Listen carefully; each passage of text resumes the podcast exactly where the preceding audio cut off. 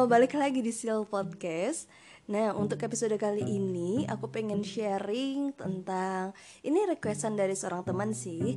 Dia minta supaya aku membahas tentang si anak rantau, anak rantau yang udah jarang balik dan menyimpan kerinduan dengan tempat asalnya dia. Nah, ini sebenarnya relate banget sih. Kenapa akhirnya aku bisa membawa topik ini? Karena memang mungkin bisa dibilang aku ini anak rantau. Rantau KW kali ya. Karena walaupun orang tua darahnya Jawa punya ada keturunan Jawa tapi sejauh ini aku domisilinya kan di Papua di Jayapura. Sampai usia 18 tahun ya akhirnya aku baru memutuskan untuk balik lagi ke Jawa untuk kuliah di Jawa. Dan bisa dibilang udah dari 2013 sih 2013 sampai 2020 berarti udah tujuh tahun aku stay di Jawa Nah, karena orang tua masih tinggal di sana, seharusnya kan ketika liburan aku itu balik ke sana gitu ya. Tapi jarang banget bahkan bisa dibilang nggak pernah gitu ya. Cuma sekali di tahun 2014 itu aku pulang karena ya memang pengen pulang, pengen rasain lagi kumpul sama orang tua. Nah setelah itu akhirnya sama sekali udah nggak balik lagi ke Papua ketika uh, liburan. Tapi justru orang tua yang berlibur ke Jawa ketika lebaran. Terus gimana sih cara kita mengatasi rasa rindu atau rasa kangen kita dengan tempat kita besar, dengan tempat kita berasal gitu ya? Nah kita bahas di segmen kedua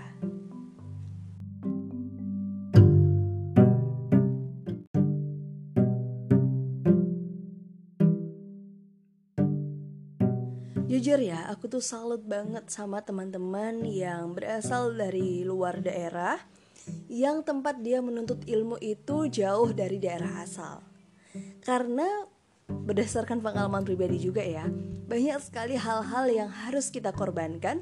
Salah satunya adalah waktu bersama keluarga ya nggak kita pungkiri ya ketika kita berasal dari daerah yang itu jauh dari uh, tempat kita menuntut ilmu otomatis banyak sekali hal-hal yang harus dipertimbangkan gitu ya.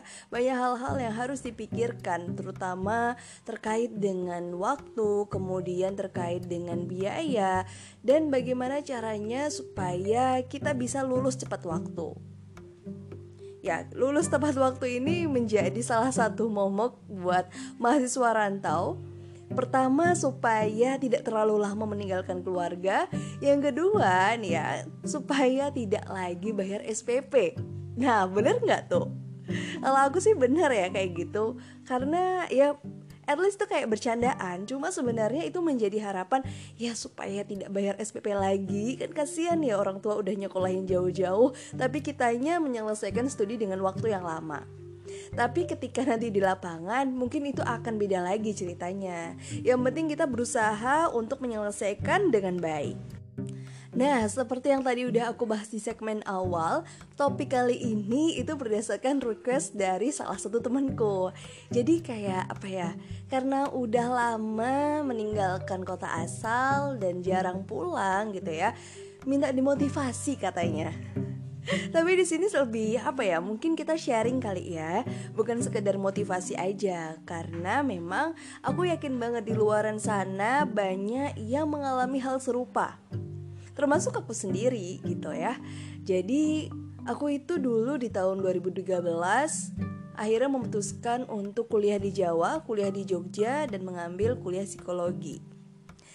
Yang ada di pikiran waktu itu sebagai anak usia 18 tahun gitu ya. Aku tahu kalau Jogja itu jauh dari Jayapura. Waktu itu sama sekali belum terbayang kayak tiap tahun mungkin akan pulang atau seperti apa gitu ya. Cuma di situ aku udah kayak ada dalam pikiranku kalau Jogja dan Jayapura itu jauh. Jadi aku tuh tidak boleh terlalu berekspektasi tinggi kalau akan uh, pulang ke rumah setiap tahunnya. Atau mungkin dalam beberapa bulan sekali gitu ya aku bisa pulang ketika ada jeda liburan. Nah, itu yang pertama kali udah tertanam dalam diri aku. Jadi bisa dibilang itu adalah salah satu cara untuk menguatkan diri kita ketika kita ingin pergi ke tanah rantau. Dan bisa dibilang itu adalah salah satu cara yang bisa kita gunakan untuk menguatkan diri kita. Nah ini tuh semacam alarm ya. Jadi kita udah memberitahu nih sama diri kita. Oke sebentar lagi kita akan meninggalkan daerah asal. Jadi mau gak mau kita harus mempersiapkan diri dengan baik. Bukan hanya secara fisik tapi juga secara mental.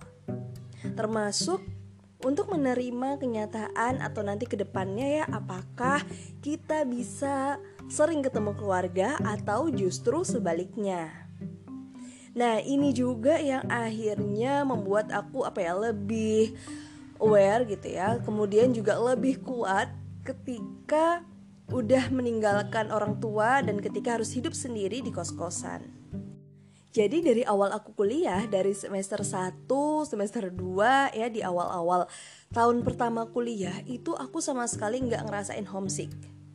Nah ini juga harusnya didukung dengan komunikasi dengan keluarga. Jadi buat teman-teman yang mungkin uh, selama ini kurang komunikasinya gitu ya dan kalian akhirnya ingin memutuskan untuk keluar rumah ada baiknya untuk mengantisipasi itu ya kalian perbaiki dulu komunikasinya. Ya walaupun hanya sekedar SMS-an, hanya sekedar chattingan dengan orang tua Setiap kali kalian akan berangkat kuliah Nah itu udah apa ya seperti pengganti lah Sosok kehadiran mereka itu yang tidak ada di depan mata tapi sebenarnya ada di hati kita. Nah, ini juga permainan mindset juga sih. Nah, tapi kalau buat teman-teman yang memang um, selama ini udah deket dengan keluarga, komunikasinya udah terjalin dengan baik, ya kalian bersyukurlah karena setidaknya itu bisa mengurangi rasa homesick kalian ketika kalian tidak bisa sering-sering pulang ke rumah dan bertemu keluarga. Terus nih, kalau bicara soal motivasi, sebenarnya aku juga bingung sih mau memotivasi seperti apa. Tapi gini, buat teman-teman yang sampai sekarang tinggal di tanah rantau, kemudian jarang pulang ke rumah, pesan aku sih jangan patah semangat. Ya aku tahu ada rasa rindu, ada rasa um, ya sesuatu yang tidak bisa dideskripsikan lah ya. Apalagi di situasi seperti ini, yang tadi udah aku jelasin di awal yang biasanya orang tuaku selalu pulang ketika lebaran mau nggak mau karena situasi seperti ini akhirnya kita harus berlebaran dengan apa ya berlebaran jarak jauh lah. Dan benar-benar itu menyimpan kerinduan menyimpan perasaan yang sedih iya kecewa iya tapi mau gimana lagi? Kita harus sadar kalau memang ini adalah situasi yang sedang kita hadapi dan kalau misalnya kalian kangen sama keluarga, itu tadi yang udah aku ceritain di awal. Kita perkuat komunikasi kita. Jadi, jangan malu buat ngungkapin kayak kangen sama orang tua, kangen dengan saudara. Kemudian kalian juga bisa saling apa ya, cerita-cerita tentang hal-hal yang mungkin tidak terlalu penting, tapi karena komunikasi itu akhirnya bisa mengurangi rasa kangen kalian. Terus inget deh, ketika kalian sudah memutuskan untuk keluar dari rumah, untuk menuntut ilmu atau untuk bekerja, itu artinya ada tujuan yang ingin kalian capai. Ada hal-hal yang sudah menjadi target kalian ke depannya yang itu nantinya akan bermanfaat buat diri kalian. Dan tentu saja itu bisa menjadi hadiah yang bisa membahagiakan keluarga kalian. Seperti itu. Nah, jadi kayak gitu ya teman-teman, ketika kita jauh dari keluarga, memang um, ada yang harus kita atur lah pertama kali, yaitu diri kita sendiri. Kita sadar bahwa apa yang kita jalani sekarang itu adalah pilihan kita. Terus kalau misalnya kalian memang sudah memutuskan untuk jauh dari keluarga, itu artinya ada satu hal yang ingin kalian capai. Jadi bisa aja itu adalah um, namanya ini ya ketika kalian ingat sebuah pantun Berakit-rakit ke hulu, berenang-renang ke tepian, bersakit-sakit dahulu, bersenang-senang kemudian. Jadi, buat mencapai kesuksesan, buat mencapai apa yang ingin kalian capai, ada hal-hal yang pasti tidak enak yang harus kalian lalui dulu. Dan bisa aja situasi kalian sekarang itu bisa menjadi satu hal yang tidak enak. Tapi bukan berarti harus ditanggapi dengan kesedihan, diratapi yang itu akhirnya membuat kalian tidak semangat lagi. No, no, no, jangan kayak gitu. Justru kalian harus bisa semakin semangat melebihi orang-orang yang mungkin jarak rumahnya itu tidak terlalu jauh dari tempat dia menuntut ilmu. Buktikan kalau kalian itu bisa sukses dengan diri kalian sendiri. Terus nih ya, buat anak-anak rantau, biasanya yang bikin kangen sama daerah asal itu makanannya, kulinerannya. Nah, bisa juga nih kalian ya hunting kulineran yang itu menjadi ciri khas dari daerah asal kalian. Apalagi kalau di tiap daerah itu kan sekarang udah banyak ya.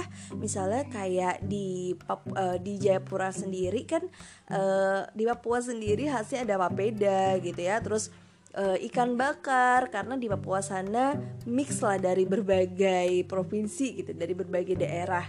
Nah di Jogja itu juga banyak yang jual kayak gitu, jual papeda atau jual kulineran Makassar yang itu itu bisa sangat mengobati kerinduan anak-anak rantau dari daerah timur. Nah, pasti juga kalian bisa mendapatkan hal serupa di kota kalian masing-masing. Seperti itu ya, teman-teman. Terus, um, salah satu cara lainnya mungkin bisa juga menulis, menulis diary, menulis apa yang menjadi isi hati kalian saat ini ke keluarga kalau kalau misalnya kalian bukan tipe orang yang ekspresif untuk mengungkapkan rasa rindu, rasa sayang ke keluarga kalian.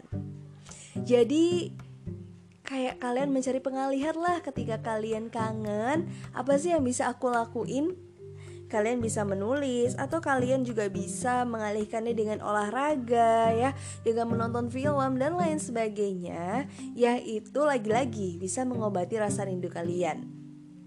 Yang penting kalian tetap menjaga kesehatan, menjaga semangat kalian karena inget tuh ketika kita memutuskan untuk jauh dari keluarga apalagi jaraknya jauh ya dan membutuhkan biaya yang banyak otomatis tidak semudah itu untuk mencapai atau untuk bertemu lagi dengan keluarga.